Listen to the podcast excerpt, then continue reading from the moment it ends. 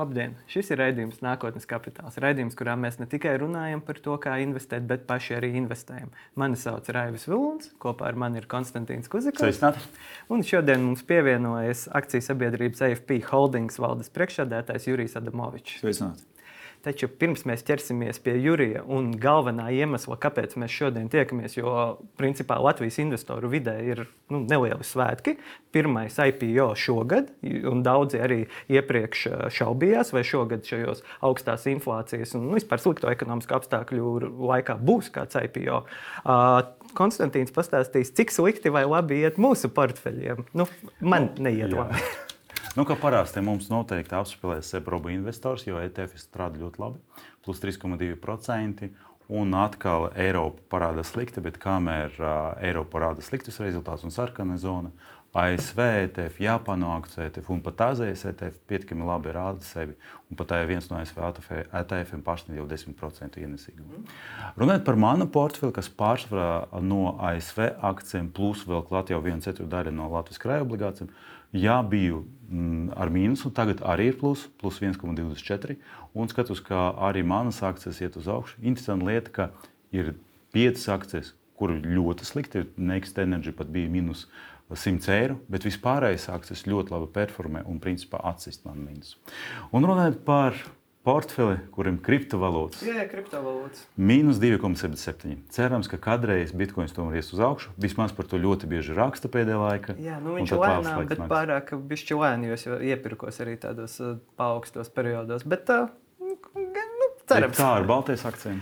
Baltijas akcijas arī man šobrīd man šķiet vissliktākais rezultāts ir Madarai, labākais ir Tallinkam saglabājies, un tur Enefit Green ir zaļajā zonā, un tur drusku pārējie ap, ap sarkano robežu grozās. Nu, nekā, nekāds, nekas iepriecinošs pagaidām nav, bet nu, cerams, varbūt tieši AFP holdings mums pacels visu tirgu. nu, Paskatieties, varbūt tev būs vairs pievienot. Jā, tad, Jurija, es gribētu arī sākt ar varbūt pirmo jautājumu, ir, ko es jau ieskicēju ievadā, ir tas, nu, ka šis gads finanšu tirgos kopumā ir nu, tāds ne ļoti iepriecinošs. Inflācija, augstas procentu likmes, cilvēku maciņos kopumā bišķi mazāk naudas paliek. Tad jautājums ir, Kāpēc nolēmāt startēt šobrīd, un vai ticat, ka izdosies? Mēs noteikti ticam. Ja mēs neticētu, tad mēs, mēs visu šo procesu nesāktu. Bet, ziniet, man ir viens ļoti labs draugs, kurš izgājis cauri jau ir nu, trīs IPO. Viens no tiem bija Nasdaqā, Baltijā, un divi bija Amerikā. Mm. Un viņš man teica, Jurij, nav nekad laba laika priekš IPO. Uh, un, teiksim, mēs arī iekšēji kādu lēmumu pieņemam, uh, un teiksim, es arī uz to skatos, kā, kā uzņēmuma dibinātais. Tas drīzāk ir par tavu iekšējo sajūtu, uh, par to, vai tu kā uzņēmējs, īpašnieks, līdzpašnieks jūties, ka tavs uzņēmums ir sasniedzis to teiksim, pietiekošu briedumu, attīstības pakāpi, ka tev tā skaitā nav kauns iziet publiski, jo IPO teiksim, tas arī kaut kādā mērā ir nu, zinām, mērā izdibšanas, ja, jo tavu uzņēmumu vērtē juristi, ja tu esi pakļauts diezgan padziļinātai juridiskai izpētēji, finanšu padziļinātai izpētēji, jo jebkura investīciju banka pirms viņa paņems mandātu tevi gatavot uz IPO, viņi veic savu finanšu izpēti, ja, lai pārliecinotos, ka, ka attiecīgi tas biznesa plāns, tās finanšu modelis, viņš ir tavs, teiksim, tāds, zem kura viņam nav kauns parakstīties, jo skaidrs, ka visi konsultanti, tā, tā skaitā arī viņu reputācija, un visi ir interesēti pareizā rezultātā. Tas arī ir kaut kādas zināmā mērā uzņēmuma brieduma un kvalitātes eksāmens, un, un, un mēs to, uz to tā arī skatāmies. No otras puses, atbildot uz jautājumu, kāpēc tagad nav noslēpums, ka putnu-kopības nozare konkrēti olu ražošana ir tādai fundamentālam pārmaiņu procesam. Noteikti gan jūs paši kā patērētāji, gan arī mūsu skatītāji ir pamanījuši, teiksim, gan presē, mm, ir aizvien vairāk tiek runāts par dzīvnieku labturības standartiem. Mm. Noteikti arī esmu pamanījis, ka 25. gadā mm, vairāki tīkli ir paziņojuši, ka 25. gadā viņi pārtrauks tirgot sprostos dētas olas. Un līdz ar to mūsu nozare kā tāda ir fundamentāla pārmaiņa priekšā. Un tāpēc mēs arī esam nolēmuši, ka teiksim, to investīciju programmu, kas mūsu emisijas prospektā ir iezīmēta, mēs viņu gribam realizēt ļoti ātros termiņos, lai attiecīgi mūsu uzņēmums būtu gatavs tam pārmaiņām, kas mūsu nozarē notiks sākot 25. gadu. Mhm. Bet kāpēc tas šajā gadījumā, jums ir ļoti labs investīciju plāns un, principā, es skatījos to jūsu to, to, to reklāmas roli, visu ļoti labi, visu ļoti skaisti. Kāpēc bija vajadzīgs IPO? Kāpēc nevis kā obligāts? Jo daudzi Latvijas uzņēmumi iet vienkārši uz obligāts un, un mēģina tādu veidu piesaistīt naudu. Kāpēc ir uzreiz jādod daļa no savu uzņēmumu? Sevišķi zinot, tāpēc, ka, ka viss būs labi. Akciju tirgus nu, nav ļoti populāra Jā. vieta, kur gūt naudu. Uh, iemesli ir divi. Uh, pirmais ir, uh, mēs principā, kā jūs pareizi sakat, mēs varētu šo investīciju programmu realizēt paši. Jā. Attiecīgi to pašu kapitāla sadaļu piesaistot no savas naudas plūsmas, brīvas naudas plūsmas un pārējo līdzfinansējumu paņemot bankās. Bet tad šīs programmas realizācija, mūsu investīciju programmas realizācija, paņemtu 3 līdz 4 gadus. Ja? Mm -hmm. Mums ir ļoti svarīgi šo investīciju programmu realizēt nākamā gada laikā. Okay. Tas prasa teiksim, papildus equity, ja pašu kapitāla injekciju. Tas ir iemesls numur viens. Iemesls numur divi, ja mēs runājam par Greenfield, jeb teiksim, nu, rūpnīcu būvēšanu zaļā laukumā. Ja, tad, kas banķieru teiksim, valoda tiek apzīmēts kā project finance darījumi, ja, kad tu būvē projektu principā, no jauna. Tā dilema ir tāda, ka tas nodrošinājums, ko kreditors gribētu paņemt, viņš vēl dabā nepastāv. Jā. Viņš ir jāuzbūvē. Ja. Un ar to mēs saskaramies ar situāciju, ka mūsu gadījumā teiksim, tiem potenciāliem kreditoriem, ja mēs runājam par obligācijām, nu, mums vienkārši fiziski nebūtu to nodrošinājumu, ko iedot. Ja. Un tas, kā zināmā mērā, ir visas un vēl situācija. Ja? Mm -hmm. un, un, teiksim, tā arī ir atbild uz jūsu jautājumu.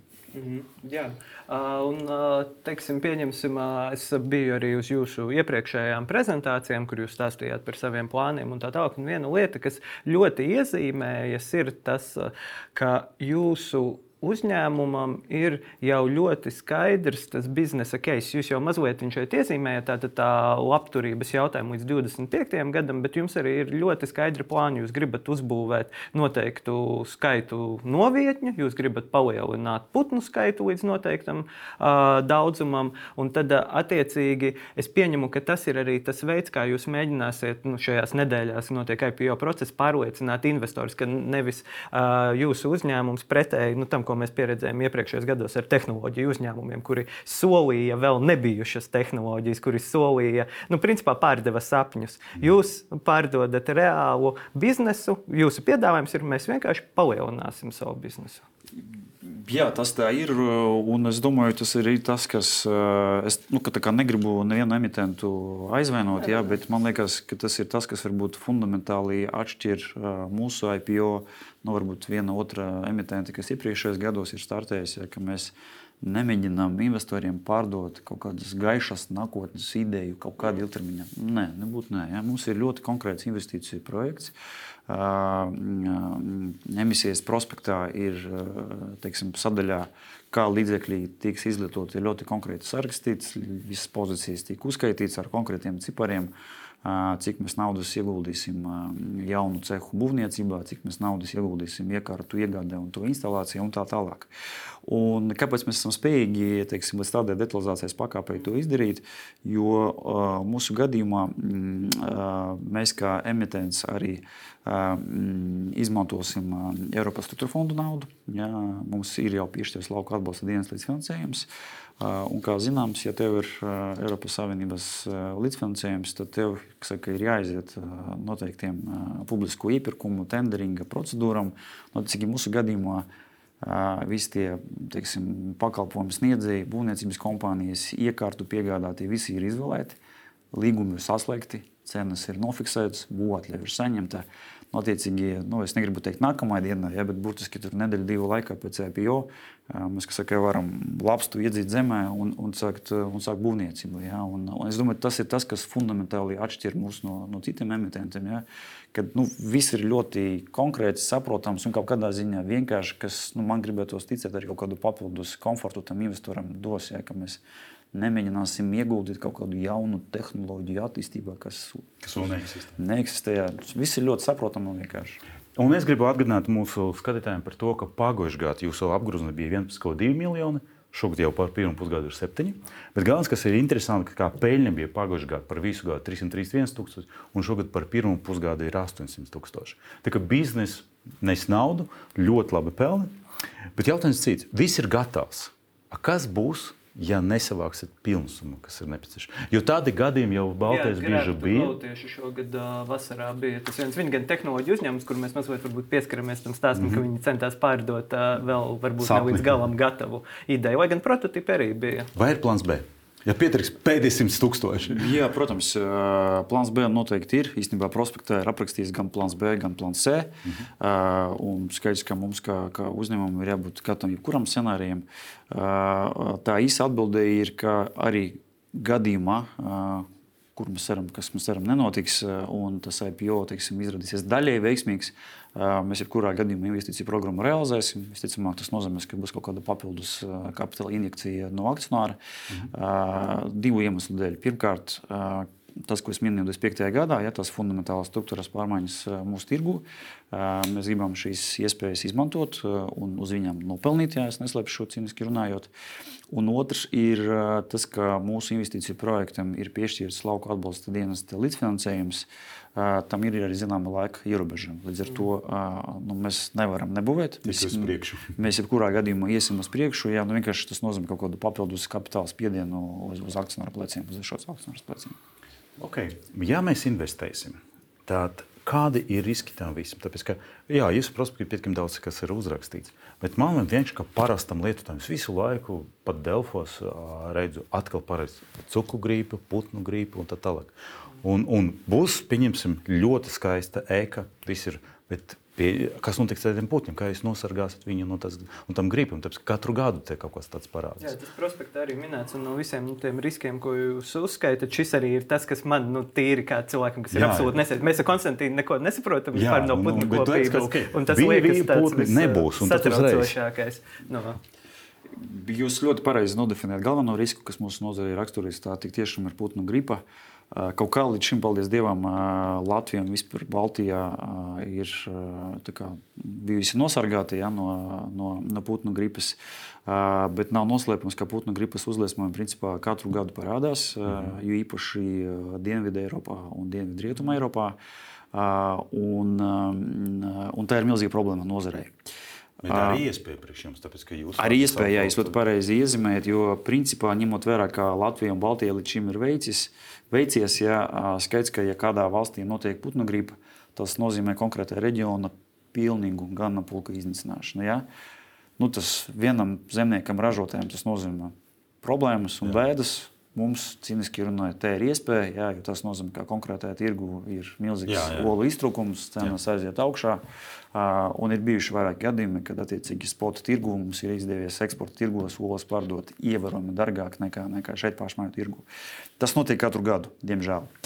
Par laimi Latvijai līdz šim putnu gripa ir gājusi secen. Kopš tiek veikti putnu gripas novērojumi no neatkarības atjaunošanas 90. gada sākumā. PVD pārtikas veterinārās dienas mūsu valstī vēl nekad nav konstatējis putnu gripu kādā no saimniecībām, jeb no ražotnēm.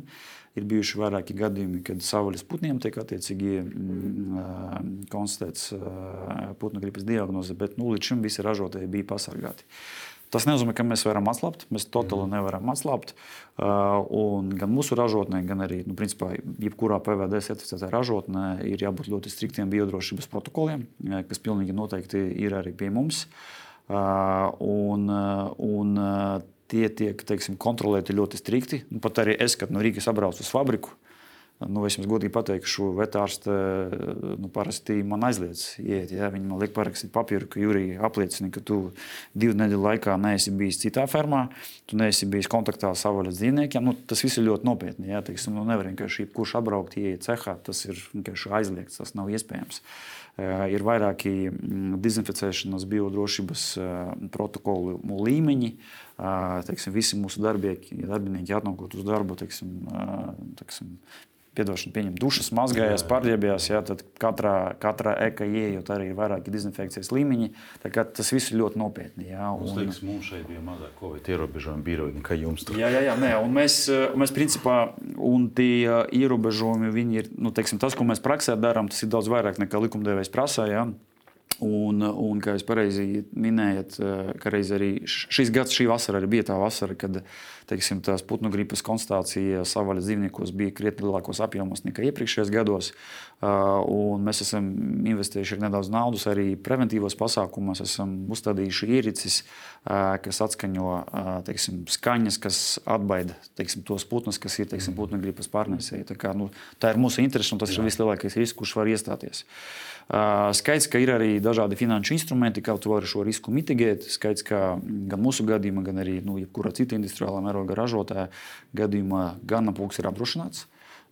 Viņš ir apdrošināts gan uz aizvietošanu, gan arī uz biznesa, kontinu, kont, biznesa continuity. Ir tas mm -hmm. termins, ja latviešu biznesa kontinuitātes, jeb biznesa nepatrautības risku. Plus arī ir valsts atbalsta programmas, attiecīgi, ja, ja iestājas putnu gripa un teiksim, likumdevēja lemēja rezultātā ražotājs ir spējīgs gan apgūtu iznīcināt, tad arī valsts izmaksā subsīdijas. Bet, okay, nu, tas, protams, tas, tas, tas ir vissliktākais scenārijs, kas var notikt. Jā. Jā, un skaidrs, teiksim, nu, tā valsts subsīdija ir kā, nu, forši, ka viņi teorētiski pastāv, jā, bet ražotājiem, protams, tas nozīmē, ka nu, tu vismaz uz pusgadu esi izsist ārā no tirgus, jo gan apgūts ir jāizvieto, mm -hmm. un tavu vietu uz plaukta, protams, aizņems kāds cits. Ja? Teiksim, tas ir vissliktākais, kas var notikt. Ja? Skaidrs, kaut kāda mitigācijas protokoli ir, ir vietā, viņi ir iedarbināti. Ja, bet, nu, Cik ātri jūs varat aizvietot, ja tas gadījums notiks? Sešus mēnešus, trīs mēnešus, deviņus mēnešus? Seši mēneši, seši mēneši būtu tas termiņš. Jā. Bet labi, izskatās tā, ka jums ar to drošību daudz labāk nekā nu, nepajaukuši par mūsu, mūsu robežas. robežu, bet tur kaut kādi traumas draugi nāk. Vismaz par to mēs stāstām. Jā, nu, tas ir pieņemami, ja ir tik nopietni, ka cilvēki netiek iekšā. Tad uh, droši vien tas, kas uh, lauku saimniecībām kaut kādi plēsēji, vispār nav jautājums. Es mm. uh, saprotu, ka nezinu, vai kāda lapsa var tikt garām. Nu, mūsu gadījumā tas nav iespējams, jā, jo vienkārši nu, tie savvaļas dzīvnieki nevar iekšā cehā. cehā nokļūt. Jā, tas varbūt arī nu, teiksim, mēs diezgan daudz publiski dzirdam dzīvnieku aizstāvību biedrību un citus teiksim, dzīvnieku labturības standārtu entuziastus.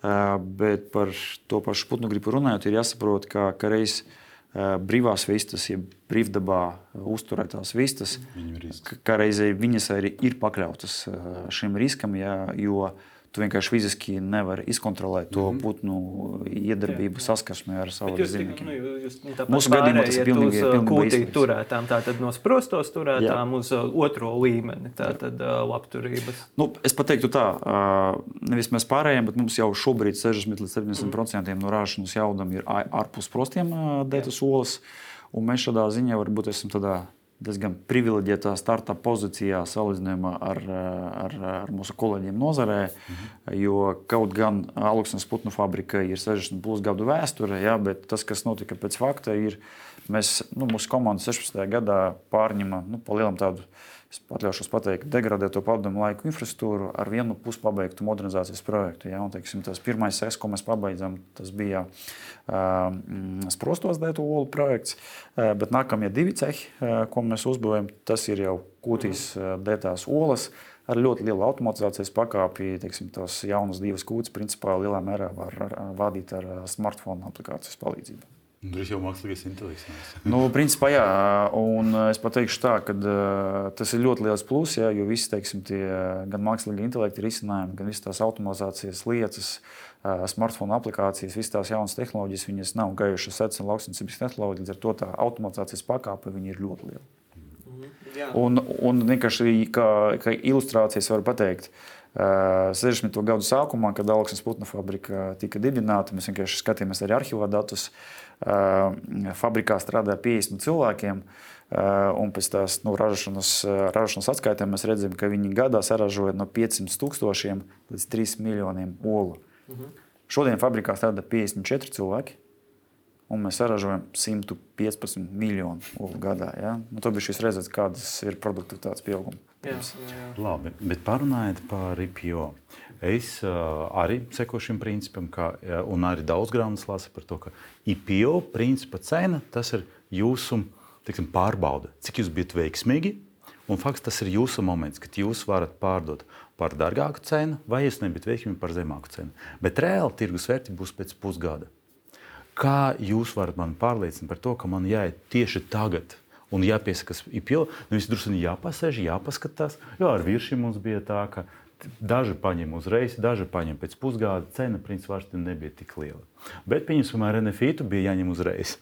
Vai es esmu Tenefit vai es esmu pie virsiem? Un kāpēc? Uh, skaidrs, ka mēs investoriem sakām, ja jūs varat pagaidīt un pēc gada nopirkt tos dārgāk. Ja? uh, bet, ja nopietni runājot, skaidrs, ka katram investoram ir, ir pašam jādomā, teiksim, kādās, kādos finanšu instrumentos un, un, un kādu emitentu akcijās viņš grib guldīt. Bet uh, es domāju, ka uh, uz, uz APF būtu jāskatās, uh, manuprāt, pārsvarā tiem investoriem, kurus pirmkārt interesē ļoti saprotamas nozares, ļoti saprotami vienkārši produkti. Ja, jo ola kā tāda, nu, pēc būtības tā ir commodity. Ja. Mm -hmm. arī ola to daudz nezina, bet arī ola ir sava birža. Ja, un jūs varat olas cenu skatīties online, vienā Holandas biržā, ko mēs arī ikdienā darām. Uh, mēs neražojam melnos ikrus. Ja, mēs ražojam vislētāko dzīvnieku, izlaks, dzīvnieku izcelsmes proteīna avotu produktu.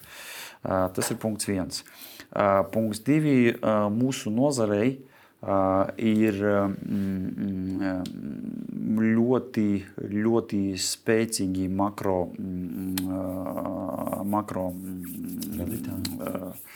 angliski makrofundamentals. Tagad mēģinu pateikt, kā nu, jā, teiksim, tas, tas tie, teiksim, ilgtermiņa priekšnosacījumi ir ļoti labi. Jā, jau, teiksim, nu, ja mēs paskatāmies, nu, mēs savā prospektā piesaucam Rabobankas pētījumu, bet, bet tas ir vispārējais konsensus, ka nākamās desmit gadus laikā olu patēriņš pasaulē pieaugs par 25%. Mm -hmm. Tas tā ir bijis vienmēr. Ka olu patēriņš, tas skaitā īstenībā arī putnu gaļas patēriņš ir stabili pieaudzis. Tam par pamatu ir vairāk iemesli, ja, bet īsumā sakot, putnu kā nozare īstenībā ir visefektīvākā lauksniecības nozare, jo teiksim, mūsu nozare tāds ļoti izplatīts termiņš ir lobarības konversija. Ja? Mm -hmm. Un, ja mēs teiksim, nu, varam paņemt lielu pugaļas ražošanu, lai saražotu vienu kilogramu olu masas, un vienu kilogramu lielopu gaļas, ir vajadzīgs četras reizes mazāk barības. Jā, ar to vienkārši tā pašizmaksas struktūra mūsu gadījumā ir, ir fundamentāli savādāka. Mm. Un tas ir izskaidrot to faktu, kāpēc ola, un tā skaitā putnu gaļa, ir vispieejamākais dzīvnieku izlasmas proteīna okay. avots. Kas ir, kas ir vēl svarīgi, es vienkārši varbūt ātri papildināšu. Trešais, trešā tēze, ko, ko mēs arī investoru prezentācijās uzsverām, ņemot vērā manis pieminēto to fundamentālo pārmaiņu mazumtirdzniecības nozarē, ka tīkli ir paziņojuši, ka sprostos datus olas vairs netirgosim. Mēs izmantojot gan mums pieejamu informāciju, gan Eurostat datus, gan arī Nielsen IQ datus, kas analizē katra ražotāja preces vietu un apgrozamību tiklos. Mēs esam sarēķinājuši, kāds būs ārpus sprostiem dēto olu iztrukums Baltijas tirgu 25. gadā. Un tas skaitlis ir 363 miljonu olu. Ar diviem jauniem cehiem, ko mēs nodosim eksploatācijā, mēs tirgu piedāvāsim papildus 72 miljonus olu vistu kas ir tikai piektā daļa no šī iztrukuma. Ar to tādā ziņā mēs jūtamies nu, ļoti komfortabli, ka to papildus uh, produkcijas apjomu mēs īstenībā būsim spējīgi izvietot tepat Baltijā. Pat nerunājot par to, ka īstenībā visā Eiropas Savienībā, ja, nu, ja precīzi runājam, 21 no 36 Eiropas valstīm uh, jau šodien importē daudz vairāk uh, olu nekā, nekā ir spējīgi saražot. Tā kā uh, makroekonomiski runājot, teiksim, visi tie teiksim, makro priekšnosacījumi nozares izaugsmē, viņi ir, viņi ir ļoti spēcīgi. Ja? Runāt par to, teiksim, kurš no mūsu konkurentiem būs veiksmīgāks vai mhm. mazāk veiksmīgāks ražošanas jaudu palielināšanā un savas teiksim, produkcijas pareizā marketēšanā un piedāvāšanā klientiem. Okay. Es saprotu, tā, ka pieprasījums būs. Jūs pat principā tikai pieskaraties, lai sektu daļu no šī tirgus, tirgus būs daudz lielāks. Vai tas nozīmē, ka jūsu uzņēmums būs uzņēmums, kas orientēs visu laiku growth, uz to pieaugumu? Tas nozīmē, ka mēs nemaksāsim dividendus, bet mēs orientēsimies uz to, ka mūsu akcijas vērtība augs, vai tomēr jūs būsiet orientēti uz to saucamu vērtības izaugsmu, un tad jums būs kaut kāda dividendžu politika. Jo nu, liekas, ka tas bizness ļoti stabils. Un, principā, jums nevajag katru gadu būvēt tik daudz. Jo, principā, jūs vienreiz uzbūvējat, nu, viss tagad vai dividendes saņēmam. Kāda ir jūsu stratēģija uz to visu? Uh, mums, tāpat kā jebkuram emitentam, ir apstiprināta dividendžu politika. Uh, un tā dividendžu politika, kas ir apstiprināta, viņa paredz, ka uzņēmums izmaksās dividendes līdz 50% apmērā no, no peļņas, sākot ar 26. gadu. Mm -hmm. Ja objektīvi, ja, ja objektīvi šobrīd mums ir jāpabeidz tā investīciju programma, kas ir arī prospektā aprakstīta, un tas ir ļoti svarīgi. Runājot par, par, par teiksim, tālākiem periodiem, šeit es domāju, mūsu investori nu, iegūst no tā, ka arī es, kā akcionārs un uzņēmuma valdes priekšsēdētājs, esmu ieinteresēts arī saņemt dividendus. Mm -hmm. ja, jo nu, jūs varat paņemt jebkuru ražojošu vai pakalpojumu sniedzēju uzņēmumu. Menedžments vienmēr atradīs veidus, priekšlikumus investoriem, akcionāriem, kur var naudu ieguldīt, lai, Jā. lai, lai radītu kaut kādu papildus vērtību. Bet akcionārs grib kaut ko arī saņemt sev. Un šeit, manuprāt, APF gadījumā tā ir laba ziņa priekš investoriem, jā, jo es kā akcionārs, es, protams, arī gribu saņemt dividendus. Mm -hmm. Es negribu tikai guldīt un guldīt attīstībā, jā, jo priekš manis šis projekts ir sācies pirms septiņiem gadiem. Līdz šim esmu tikai ieguldījis, ja, un arī no, no IPO ietveros saņemtiem līdzekļiem nekāda kešauta akcionāriem nav paredzēta. Visa nauda aizies tālāk attīstībā. Līdz ar to man gribētos ticēt, ka tas ir dot kaut kādu papildus komfortu mūsu potenciālajiem investoriem, jauniem partneriem. Ka lielākais akcionārs valsts priekšsēdētājs arī ir interesēts saņemt dividendus. Es, protams, esmu interesēts arī saņemt dividendus. Tā arī dividendus politika būs. Kāpēc tik cena dārga? Jo principā Baltijas tirgus ir, ir tirgus, kur cena ir ļoti zema eiro. Pat šaurie banka, man liekas, vispār ir 70 centi. Nu, Madara ir dārgāka. Jā, bet tas ir vairāk izņēmums. Jūs startaties nevis ar 6 eiro tur kaut kas. Kāpēc nav, nebūtu vieglāk vienkārši, vai publicēsim vairāk uh, tas, tas, tas akcijas un būs tad pusotrs, pusotru eiro cena? Nu. Es domāju, ieskatās nevis uz vienas akcijas cenu, bet uz aplēsto uzņēmumu vērtību. Ja?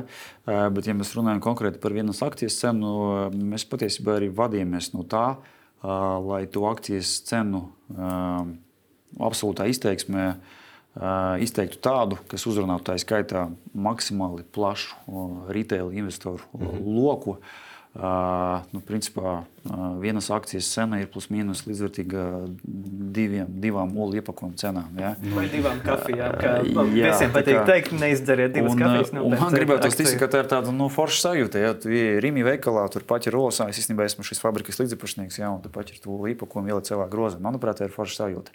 Uh, bet, ja mēs runājam par uzņēmēju vērtību kopumā, ziniet, tā ir tāda Manuprāt, dilemma jebkurā uzņēmuma pirkšanas pārdošanas darījumā īpašniekam, akcionāram vienmēr liksies, ka viņš atdod pa lētu. Jā. Un pircējiem vienmēr liksies, ka pa dārgu. Ja? Bet es domāju, mūsu gadījumā mm, pozitīvi ir fakts, ka principā publiski jau ir pieejami vismaz divi ārējie viedokļi. Jā, man liekas, ja nemaldos, pirmdien ir izgājis Inlaits Research kas principā mm, pasaka, ka salīdzinot ar, ar, ar mūsu nozares pīriem, nu, kāda teiksim, nauda ir atstāta uz galda. Un, un, jā, teiksim, viņi apmēram par eiro dārgāk, ja nemaldos cenu. Nu, tur vairāk, tur vairāk. Bišķi, jā. Jā. jā, tā kā kaut kāds izaugsmas potenciāls tajā akcijai jau ir. Šodien, ja nemaldos, ārā ir investoru kluba pētījums, kas, manuprāt, arī pasaka, ja es uzmanīgi lasīju, ka akcija nav ne lēta, ne dārga. Ja, tā, kā, Prospekts ne, ir labs. Tas arī bija viens no vērtējumiem. Jā, tā kā skaidrs, ka tas ir ļoti subjektīvs jā, vērtējums. Nu, man kā īpašniekam gribās ticēt, ka tā cena ir godīgi noteikta. Mēs pilnīgi ieklausījāmies mūsu investīciju bankas rekomendācijā. Jo IPO tas jau nu, nav tikai par mums. Jā. Skaidrs, ka mēs esam ieinteresēti, lai tas retail investors un arī, protams, institucionāls investors, kas iegulda savus līdzekļus, viņš kaut ko nopelna. Mm -hmm. Jo, kā jūs pareizi minējat, mūsu attīstības ambīcijas ir diezgan lielas. Uh, un nav izslēgts, ka pēc dažiem gadiem mēs gribēsim tirgu atgriezties ar otrreizējo, uh, otrreizējo naudas, uh, otrreizējo emisiju. Ja? Un skaidrs, ka mēs esam ieinteresēti, lai arī iestartējot IPO, mūsu investori kaut ko nopelna. Nu, tas, protams, būs arī kā, viņiem papildus kā, dos drošības komfortu, kā arī otrreizējā akciju piedāvājumā viņiem būs vēlme guldīt, kas ir arī teiksim, mums ļoti svarīgs. Viņš vadītājs stāstīja par to, ka viņam akcionāram arī ir atlaides. Vai jūsu akcionāri nebūs tā, ka pie kases es dabūšu 11 olu? Vai kaut kas tāds Zelta ola. Jā, mums eh, bija neskaitāmas diskusijas par akcionāru lojalitātes programmu. Eh, nu, tur arī menedžmenta komanda neļāva samelot. Eh, Arī mūsu padomus priekšsēdētājs Madara Kasmetika līdzdibinātājs Ulris Iltners arī nu, kolēģi nu, izdomāja kaut ko. Tā problēma ir tāda, ka mūsu gadījumā tā vienas produkcijas vienība ir nu, tik ļoti maza, ja, ka vienkārši piegādes izmaksas vienkārši nu, iznīcināja. Iedomājieties, ja mums būs 10,000 akcionāri ja, un katram piegādāt olas, nu, tur vienkārši matemātiski tas, nu, tas vienkārši ir apšaubāms bet ne, pasākums. Es, bet, nu, okay, viņam arī nav tā, es, ja es nemaldos no 500 akcijiem tikai sāks. Bet, uh, nu, simt, jā. Uh, bet nekas nebūs. Uh, Īsa atbilde, ka nē. Uh, jā, mēs ceram, ka uh, mūsu investoriem kā, būs zināms morāls gandarījums, ka viņi saka, uh, mūsu produkciju fabrikē, kur viņi līdzpašnieks principā varēs redzēt jebkurā Baltijas stiklā un mm -hmm. teiksim, jutīsies lepni, ka viņi ir akcionārs uh, vienā no lielākajiem Baltijas ražotājiem. Jā. Uh, tuvojoties raidījuma beigām, mēs arī vienmēr gribam nedaudz aprunāties ar, uh, pašu, par pašu cilvēku, kurš ir atnācis. Tātad, uh, Jurija, jums ir, uh, jūs patiesībā neesat fermeris. ja godīgi, es atceros no prezentācijas stāsta, ka jūs uh, esat drīzāk ar finanšu pasauli bijis saistīts, uh, mācījies, strādājis un uh, olu biznesā praktiski nejauši bezmaz vai nokļuvāt. Jautājums ir, kur jūs eh, ieguldāt naudu? Vai jūs kaut kur ieguldat, izņemot, eh, protams, eh, savu uzņēmumu, vai ir kaut kādas akcijas, citi finanšu instrumenti, kā jūs veidojat savu nākotnes kapitālu? Uh, nu jā, nejauši vai likumsakarīgi tas ir diskutabls jautājums. Es patiesībā esmu uzaugusi agronomu ģimenē, un, un es domāju, ka tas ir likumsakarīgi, ka, ka saka, kaut kādā savā dzīves posmā esmu nonācis atpakaļ lauksaimniecībā. Bet uh, mani vienmēr piesaistīja biznesi, kas ir ļoti saprotami un kas apmierina teiksim, cilvēku pamatvērtības. Šobrīd uh, manā portfelī Mans portfels gan ir tiešu ieguldījumu portfels, jā, ir putnu kopības biznesa, mēs attīstām arī zaļas enerģijas mm, projektus. Manā portfelī ir Industrija banka, es esmu Industrija bankas līdzpašnieks. Nu, banka nav noslēpums pēc būtības ir tautsemniecības asins aprītes sistēma, ja, kas kā, kalpo gan iedzīvotājiem, gan, gan komersantu pamatu vajadzību apmierināšanai. Man ir arī siltumapgādes biznesa. Ja. Teiksim, es mēģinu savu naudu izvietot nozarēs, Jā, kur pēc produktiem un pakalpojumu pieprasījums būs vienmēr. Teiksim, nu, tā ir mana iekšējā pārliecība. Es godīgi pateikšu, es nekad neesmu guldījis naudu kaut kādās eksotiskās tehnoloģijās, kuras nesaprotu. Par bitkoinu. Kriptovalūtas jums nav portfelī. es nekad neesmu guldījis, jo nu, tas nav šodienas rādījuma cemas, bet eh, man nekad nav bijis ekspozīcija kriptās. Eh, jo, manuprāt, tas ir kā kazino veidīga investīcija. Jā, tad ļoti tādas praktiskas. praktiskas Jā, esmu praktisks, pragmatisks. Man patīk lietas, kuras var pataustīt, pieskarties, saprast. Un eh, es arī skatos no kā praktiski, es arī skatos no prizmas, ja man šis bizness būtu jāpārņem vai es spētu viņu vadīt. No tie biznesi, kas šobrīd manā portfelī, jūtos komfortabli, ka es varu viņus vadīt, kontrolēt un nepieciešamības gadījumā pats uzvilkt gumijas zebakus, ja, un attiecīgi tur atrisināt problēmas un nodrošināt, lai uzņēmums teiksim, tālāk strādātu. Tas ir vairāk biznesa, kas ir atrodas Latvijā, kā es saprotu. Kā jūs diversificējat savus riskus? Es esmu vēsturiski mēģinājis guldīt kaut kādos portfeļos, mm -hmm. indeksos, indeksos gan mazāk, bet kaut kādos teiksim, struktūrētos instrumentos. Bet es vienmēr izvēlējos, lai tur ir kaut kāda vai nu enerģētikas sektora. Nu, teiksim, tā loģika tik un tā bija, bija līdzvērtīga. Tas, ko es saprotu, Mhm. Uh, un ka tas produkts vai pakalpojums apmierina kaut kādas cilvēku bāzes vajadzības. Un tā ir vienkārši mana iekšējā filozofija. Varbūt esmu pārāk konservatīvs, bet nu, līdz šim dzīvē tas nu, ir. Pateikt, ka manā gadījumā šie akcijas ir vislabākas, bet vienlaicīgi Next Energy tagad ir vissliktāks. Vai tu varētu pārņemt vadīt šo? Ja Nē, es domāju, ka vēl, neesmu, vēl šogad vēl neesmu gatavs. Um, Mums skatās pietiekami daudz jaunu cilvēku, un viņi arī raksta laika pa laikam kaut kādus padomus, prasa no mums par to, kā sākt investīcijas. Pieņemsim, ka ir hipotētiskais mūsu lasī, skatītājs, viņam 50 eiro. Ar ko viņu labāk sākt? Es ieteiktu sākt ar ļoti vienkāršām lietām un guldīt naudu tur, jeb tajā nozarē, jeb instrumentā, kuru tu saproti. Mm -hmm kuru tu pats spēj saprast, pataustīt, izanalizēt. Un, nu jā, negribu atkārtoties, bet nu, tā, ir, tā ir mana iekšējā filozofija. Jā. Jā, nu, tam principā arī pakrīt apakšā jūsu biznesa, APF holdings. Jo, nu, te- teiksim, tā, mēs pat, ja, kā mēs ar koncertīnu secinājām, mēs neko daudz nesaprotam no putnu biznesa. Tomēr mēs visticamāk vairāk saprotam nekā, pērkam. jā, un mēs vairāk saprotam nekā no kosmētikas ražošanas. Piemēram, patiesībā, jo nu, ir viss, tā esam redzējuši, visu tā esam redzējuši olu, esam ēduši olu, varam nojaust apmēram, kā tas notiek. Bet jā, ar to es arī teikšu paldies ā, Ā, Vēlēšu veiksmi IPO procesā, jo Kā vakardienas konferencē Baltijas kapitāla, ko mēs abi apmeklējām, eksperti un viesi teica, ja uzņēmumiem valsts iet labi, kapitāla tirgiem iet labi, tad iet arī valstī labi. Un, ja valstī iet labi, protams, arī iedzīvotājiem iet labi. Tā kā vēlēšu veiksmus, cerēsim, ka ies labi un ka IPO process un visi aprēķini at, atspoguļosies un atalgosies arī cenā un arī visiem akcionāriem būs labi. Paldies! Paldies! Un paldies skatītājiem. Un atgādinu, kā lasīt gan par uh, to, kā veicas ar IPO, gan par visu pārējo. Jūs varat nākotnes kapitāla salvē. Visu labu! Paldies. Visu labu.